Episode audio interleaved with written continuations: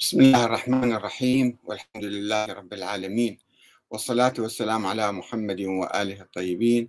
ثم السلام عليكم أيها الأخوة الكرام ورحمة الله وبركاته. ماذا بعد الاستدلال النقلي والعقلي على نظرية الإمامة الإلهية الاثنى عشرية؟ أين هم الأئمة اليوم؟ تحدثنا في حديث سابق عن المرجع الشيعي الأعلى السيد حسين البروجردي الذي توفي سنة 1960 ميلادية.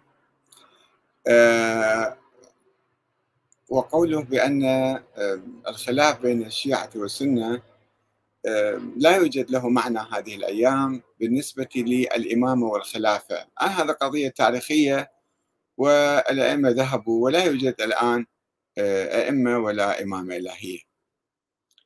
ويحصر الخلاف بالمسائل الفقهية. ويمكن لأي أحد يحب أن يراجع الفيديو يوم أمس تحدثت عن هذا الموضوع.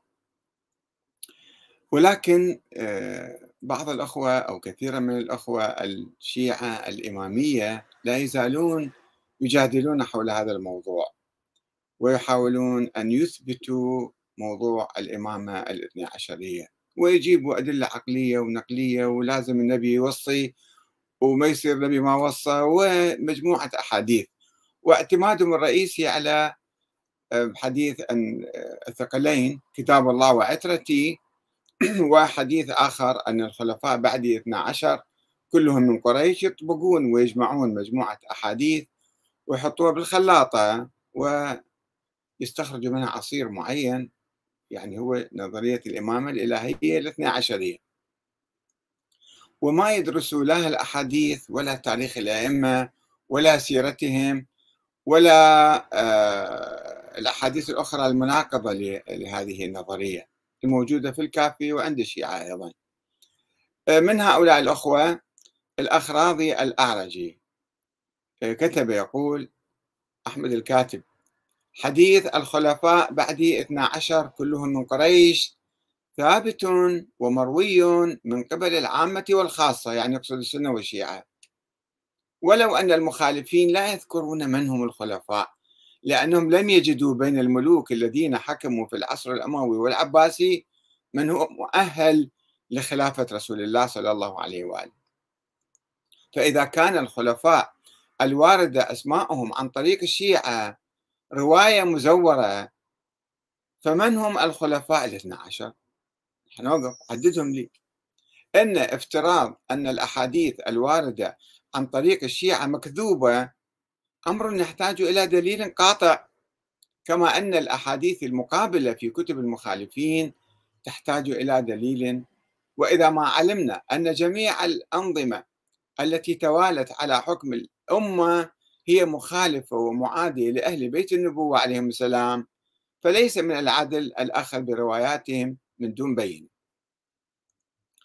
هذا الجدل بالحقيقة آه، ليس له ثمرة إلا تعزيز المشاعر الطائفية بين المسلمين هذه الأيام.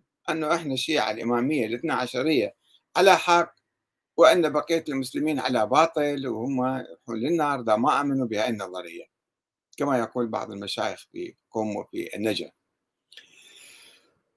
ولكن إذا إحنا بحثنا هذا الموضوع بحثا واسعا وعاما في الحقيقة وقرآنيا في البداية أن نشوف أن الإمامة ماذا تعني؟ الإمامة تعني آه، الحكم والخلافة الإمامة يعني لم يسل سيف في الإسلام مثل ما سل على الإمامة يعني ماذا؟ يعني على الخلافة يعني على الحكم. من هو الخليفة ومن هو الحاكم؟ آه، أن القرآن الكريم لا يتحدث عن موضوع الخلافة أبدا. لا يتحدث عن موضوع الدستور ونظام الحكم ومن يحكم ومن لا يحكم وكيف يحكم ومدة الحكم وما إلى ذلك من تفاصيل دستورية باللغة الحديثة الآن. لا يوجد. لا القرآن تحدث ولا النبي الأكرم تحدث عن ذلك.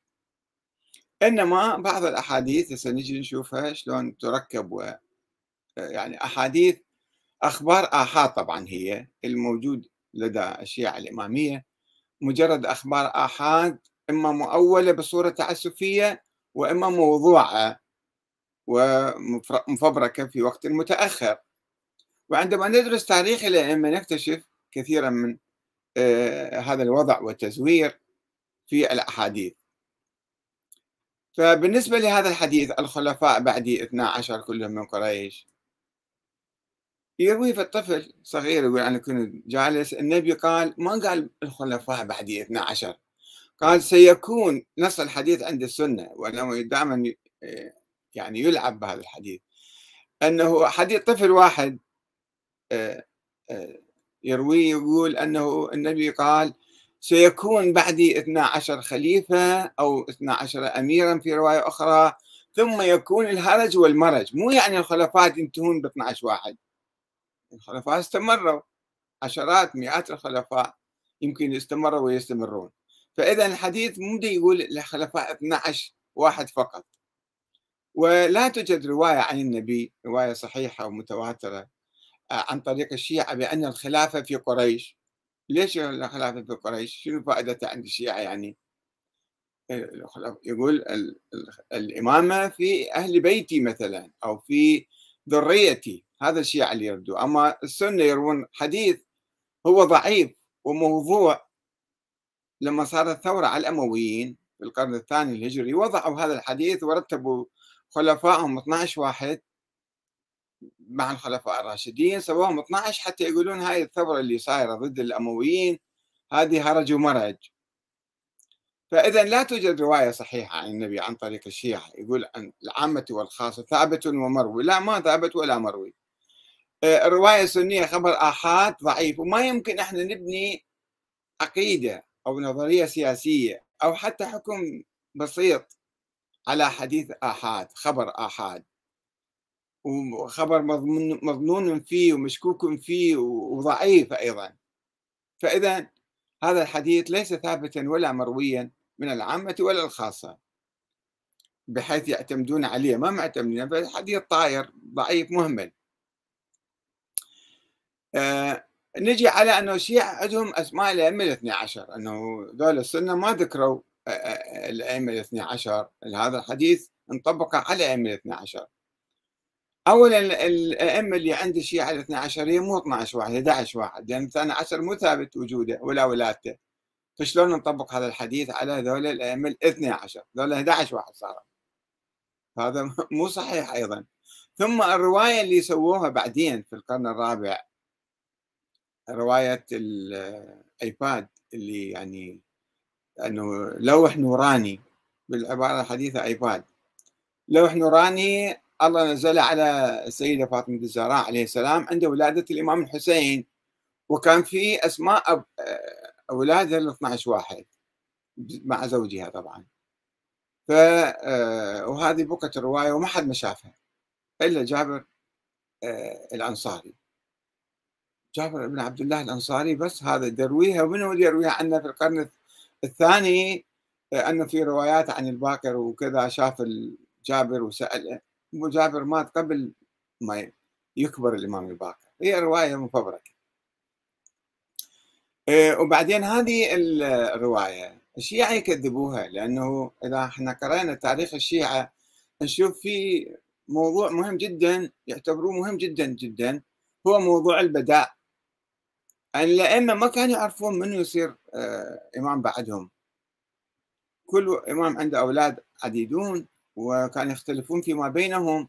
واحيانا مثلا الإمام الصادق يوصي إلى إسماعيل ابن إسماعيل إنه هذا بعد يصير إمام ويموت في حياته. فيقول لقد بدا لله الله غيره. زين هذه القائمة اللوح النوراني الموجود. ما كان شايف الإمام الصادق؟ وزرارة يموت وما يعرف منه الإمام بعد الصادق. يبعث ابنه يقول له روح شوف منو صار إمام ويموت بالأثناء. ويضع مصحف على صدري ويقول اللهم إني آه، أؤمن بما آه، يقول هذا الكتاب. من ما أدري من هو الإمام الآن. زين لوح محفوظ هذا. وجاب وزرارة من يعني من أعظم تلاميذ الباقر والصادق. شلون ما يعرف أسماء الأئمة وما يعرف الإمام بعد الصادق منهم. وبعد ما توفى الصادق صار عبد الله الأفطح. الفطاحيه راحوا له وبعدين راحوا لموسى بن جعفر. ما كان عندهم قائمة معروفة. بعد ما توفى عبد الله الأفطح وما عنده أولاد فراحوا إلى موسى بن جعفر. ولو كان عنده أولاد كان صارت القائمة غير شكل. ثم الإمام علي الهادي أوصى إلى ابنه محمد. سيد محمد مدفون في بلد أنه هذا الإمام بعدي وهم نفس الشيء مات آه، في حياته فقال للحسن العسكري يا بني أحدث لله شكرا فقد أحدث فيك نعمة أو امرا. زين هاي القائمة بأسماء الأئمة 12 إذا موجودة الإمام الهادي ما يعرفها الإمام الحسن العسكري ما يعرفها. هذه اختلقت في القرن الرابع معروف لما نقرأ تاريخ الأئمة وموضوع البداء موضوع التفرق الشيعة يتفرقون وقفوا على موسى بن جعفر ولم يؤمنوا بالإمام الرضا مثلا عامة الشيعة. فكل دليل أدل على عدم وجود هكذا قائمة عند الشيعة. إنما هذه القائمة الاثنى عشرية ركبت في القرن الرابع حتى يسوون نظرية اثنى عشرية. والإمامة أساسا نظرية الإمامة اللي ظهرت في القرن الثاني الهجري كانت تقول بأن مسألة الحكم والحكام والخلفاء آه، يجب أن يكونوا معصومين. أن أي حاكم يجب أن يكون معصوما وأن يكون معينا من قبل الله آه، تستمر بالنص إلى يوم القيامة. مو محدودة ب 12 واحد ولا 12 ألف ولا 12 مليون. إلى نهاية الدنيا. مقابل الشورى. الشورى باطلة عند الإمامية والنص والتعيين. وطبعا لا توجد نصوص على الأئمة كلهم ما ما لا توجد نصوص وإنما بالمعاجز بعدين. لما افتقدوا النصوص قالوا كيف نثبت إمامة زين العابدين؟ بمعجزة تكلم الحجر الأسود. كيف نثبت إمامة الباقر بأنه صنع آه، فيلا من طين وركب عليه وطار وراح لمكة ورجع؟ وهكذا واحد واحد من الأئمة يسوي لهم معاجز. الإمام الصادق آه، يعلم علم الغيب وحدث ذاك الشامي قال له شلون طلعت وين رحت وشنو أكلت وشنو شربت. علم الغيب. علم الغيب مو صحيح ماكو واحد عنده علم غيب. فبهاي المعاجز وعلم الغيب كبديل عن النص والوصية يجيبون هاي النظرية واحد واحد من الأئمة يركبوها. ومعناته أنهم كانوا علماء أبرار عاديين لم يكونوا لا معصومين ولا معينين من قبل الله تعالى.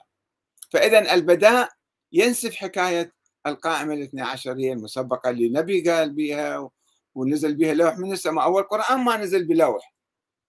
القرآن الكريم ما نزل بلوح مكتوب ولا بشيء إنما أسماء الأئمة الاثنى عشر اجوا بلوح آيباد من السماء نزل. هذا مو صحيح. فإذا يقول ليس من العدل الأخذ بروايات أهل السنة. آه، قبل ذلك يقول لم تكن جميع الأنظمة الأنظمة كانت معادية. لا مو كلها كانت معادية كانوا حلفاء أيضا. المأمون تحالف مع الرضا والحلف ماله مستمر إلى أولاد الرضا وحظوا باحترام وتقدير آه، عند الخلفاء العباسيين. آه، إلى الحسن العسكري كانوا كلهم في كنف الخلافة العباسية وفي الوقت اللي كانت هناك ثورات شيعية عديدة هنا وهناك. هذول الأئمة كانوا جالسين مع الخلفاء كانوا متحالفين معاهم. فمو كانوا معادين وكلهم ماتوا بالسوم كلها مو صحيح. فيقول أيضا ليس من العدل الأخذ برواياتهم الآخرين ولكن لابد من دراسة النظرية الإمامية تاريخيا وبصورة شاملة. والنظر إلى وجود هذه النظرية أو عدم وجودها. ثم بعد كل هذا الجدل والأدلة والاستدلال النقلي والعقلي والكذا. لابد أن نسأل أين نظرية الإمامة اليوم؟ أين نظرية الإمامة من القرآن؟ القرآن لم يتحدث عن هاي النظرية والواقع ما موجودين هم الآن وانقطعت وراحت قبل 1200 سنة. فما هي فائدة هذا الجدل والإصرار على إثبات هذه النظرية؟ والمرجع الأعلى للشيعة قبل 50 60 سنة سيد حسين بروجردي يقول بأن هذه القضية تاريخية منتهية شنو داعي إحنا نبحث فيها ونناقش فيها ونجادل حولها. فما كان يفكر فيها أساسا. وطبعا هناك نقاشات طويلة جرت حول هذا الموضوع. أنا لا أستطيع أن أخذ كل النقاشات ولكن أقتطف بعضها. عواد أبو اللياقة يقول وما هو الدليل على صحة هذا الحديث ان الخلافة في قريش؟ وماذا ينفعنا إذا الآن كان من قريش أو من الصين؟ ومحمد محمد أيضا يقول هذا والله أعلم ليس حديثا إنما قول لأبي بكر رضي الله عنه الأئمة من قريش في السقيفة؟ قال لم يقل قال رسول الله هو كان رأيه هذا. بمعنى أن قادة العرب يجب أن يكونوا من قريش حتى العرب يقبلون بهم لأنها أكبر القبائل والجميع يخضع لها. وهو, وهو قال ذلك في محاججة الأنصار في السقيفة. محمد الطيب الشروني يقول ليس الشيعة وحدهم أنا سني مالكي أشعري وأقول بأن الخلفاء إلى قيام الساعة هم أئمة آل البيت عليهم السلام. وأقول أما الأئمة الاثنى عشر فقد أظهرهم الله لأن الزمان في وقتهم كان في بعض الخير وصحة الاعتقاد وحسن الاتباع. ولكن بعد أن فسد الزمان وتشعبت الأمة وفسدت العقائد أخفاهم الله ولكنهم موجودون إلى قيام الساعة لا يعرفهم إلا الخواص. ممن أراد الله بهم خيرا والله تعالى أعلم. يعني شلون فقط الخواص يعرفون؟ هو الدين الإسلامي جاي للخواص لا جاي لكل المسلمين. إذا هذا كان جزء من الدين فلا بد أن يوضحه الله لكل المسلمين عبر التاريخ. ويخفيهم وثم شنو فائدة إخفائهم؟ يعني كيف وكيف يطلعون بعدين؟ وكيف تعرفهم؟ يعني فيجيب الأخ محمد يقول له لا يوجد شيء اسمه آل البيت هناك أهل البيت وهم أزواج الرسول صلى الله عليه وسلم وهناك آل محمد وهم أهله وأتباعه وليس أهله فقط فنحن من آل محمد صلى الله عليه وسلم. ما كان محمد أبا أحد من رجالكم ولكن رسول الله وخاتم النبيين وكان الله بكل شيء عليما. جهاد البدر يقول الحق أن حديث الأئمة الاثني عشر انفرد به السنة. أما عند الشيعة فهو مولد وموضوع في القرن الثالث أو الرابع.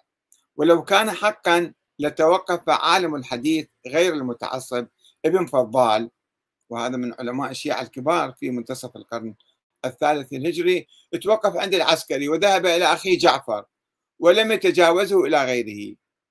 وطبعا الزيدية كانوا يعلمون ذلك لذلك اتهموا الشيعة بوضع الحديث مؤخرا يعني في زمن اللاحق الدكتور زياد محمود العاني يقول كيف نحمل الحديث هذا على أئمة آل البيت الاثنى عشر؟ وهم أولا أن الشيعة غير متفقة على تسميتهم إذ هو رأي الإمامية فقط ورأي الاثنى عشرية مو مو كل الإمامية حتى.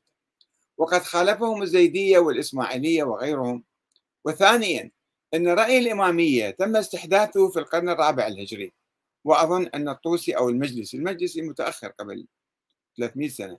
المفيد جاء بهذا الرأي أي قبل هذا الوقت لم يقل أحد بذلك أبدا.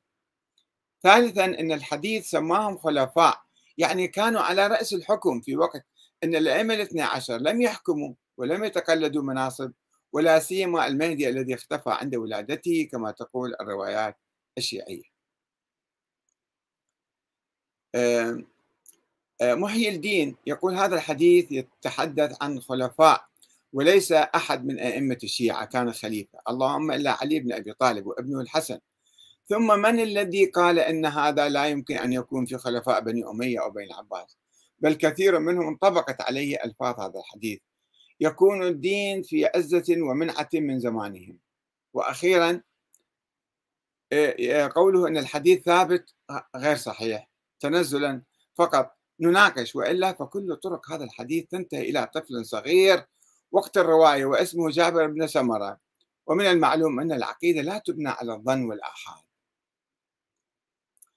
أمير المهتدي يقول الحديث أموي بامتياز وجاء العباسيون وأضافوا عبارة وكلهم من بني هاشم.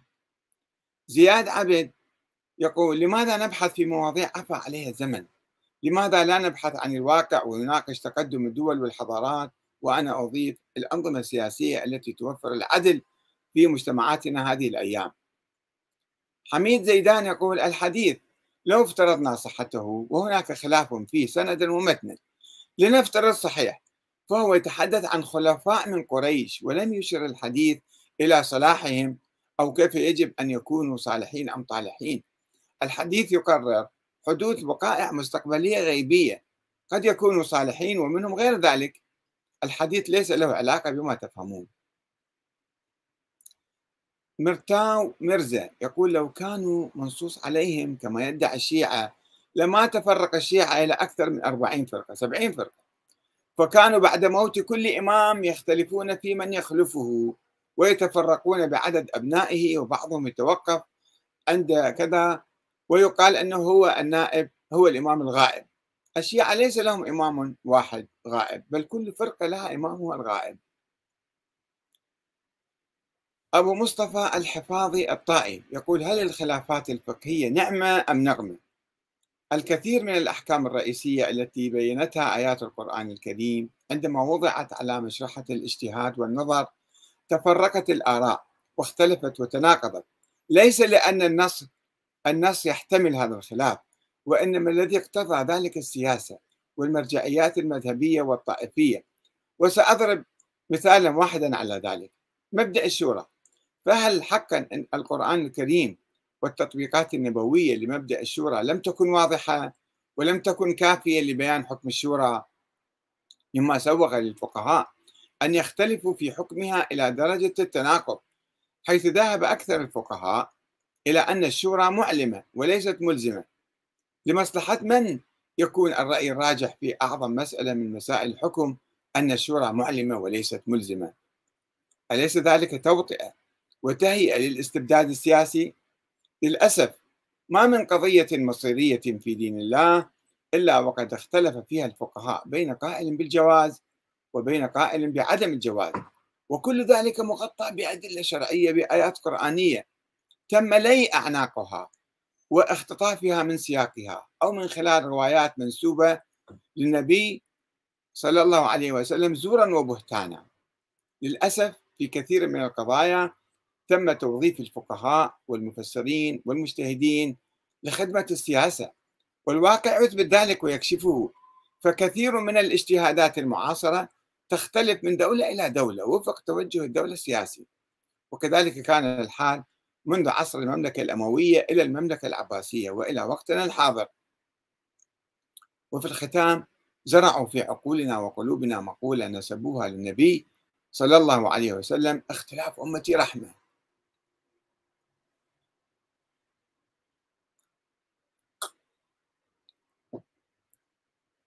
آه، الحق المر. يقول حديث الأئمة الاثني عشر ولغط الناس أخرج أبو داود حديث الخلفاء الاثني عشر بثلاثة طرق صحيحة صححها الباني في صحيح سنن أبي داود. وقال في آخر سمعت رسول الله صلى الله عليه وآله وسلم يقول هل هذا الدين عزيزا إلا 12 خليفة؟ وقال فكبر الناس وضجوا. ثم قال كلمة آه، خفية. قلت لأبي يا أبا ما قال؟ قال كلهم من قريش. كتاب المهدي وذكره الخطيب في تاريخ بغداد وأخرجه أحمد في المسند ثم لغط القوم وتكلموا وفي نفس الصفحة فجعل الناس يقومون ويقعدون. هذا تعليق على أحد الأخوة, الأخوة حيث كان يظن أن لغط الناس بعد ذكر رسول الله للأئمة الاثني عشر هو مجرد خرافة شيعية. فهذا نص الحديث كما ترى ويصححه الألباني. شنو صار يعني معصوم أو نازل عليه وحي؟ هذا اجتهاد من عندي يصحح أحاديث ضعيفة كثيرا أيضا. وتأمل رواية أحمد كيف قال؟ ثم لغط القوم وتكلموا. وأيضا قوله فجعل القوم يقومون ويقعدون. كلها رواية عن شخص واحد اللي كان طفل صغير ذيك الأيام وما سمع زين. أه ولماذا الناس يقومون ويقعدون؟ واضح من نص الحديث أن هذا اللغط جاء بعد ذكر رسول الله للأئمة الاثني عشر. هذا يفترض الأخ أنا ليش اختلفوا وكثر اللغط لأنه ذكر النبي اسماء الأئمة 12 هذا خيال من عندك يا أخي العزيز. فلماذا يا ترى ببساطة أنه احتجاج على رسول الله؟ يرد عليه الأخ أوس الأعرجي. يقول أولا أخي الكريم أصول العقائد لا تؤخذ من أحاديث الأحاد. فهي وإن كانت صحيحة لا تفيد إلا الظن. فكيف إن كانت ضعيفة وفي متنها ارتباط؟ فهذا يرفع الاحتجاج بها. ثانيا هذا الحديث التي الذي تستشهد به أي حديث الخلفاء 12 لا تستطيع أن تحتج به على السنة لأنه لأن لهم تفسيرا يتوافق مع مبادئهم العقدية. فالحديث يتكلم بحسب رأيهم عن خلفاء يتولون الحكم وليس عن أئمة مستورين يعيشون بالتقية. أما استشهادك برواية أبي داود في السنن أن الصحابة ضجوا ومنعوا الرسول من تبليغ أسماء الأئمة الاثنى عشر فهذا من عجائب الأمور التي لا يمكن أن تقبل عقلا. لأن الإمامة إن كانت من أصول الدين وهي لطف إلهي واجب على الله ثم يمنع الرسول يمنع الرسول من تبليغها إلى العامة من المسلمين. فهذا يعني أولا أن الرسول لم يبلغ الرسالة. ستقول أنه بلغ لكنه منع. لكن هذا القول يصطدم مع وعد الله له بالعصمة من الناس. لكي يستطيع إبلاغ الرسالة بالكامل. فلا يمكن لأحد أن يمنع الرسول من إبلاغ مراد الله خصوصا أنه أصل من أصول الدين بل هو أصل الأصول عند الإمامية. وهذا الاستدلال أيضا ينطبق على حديث الرزية. من هنا أخي الكريم لا يمكن الاعتماد على هكذا أحاديث مرتبكة لتأصيل أصول الدين. ستقول إنها عندنا غير مرتبكة وواضحة وتحتوي على أسماء الأئمة الاثنى عشر بالترتيب.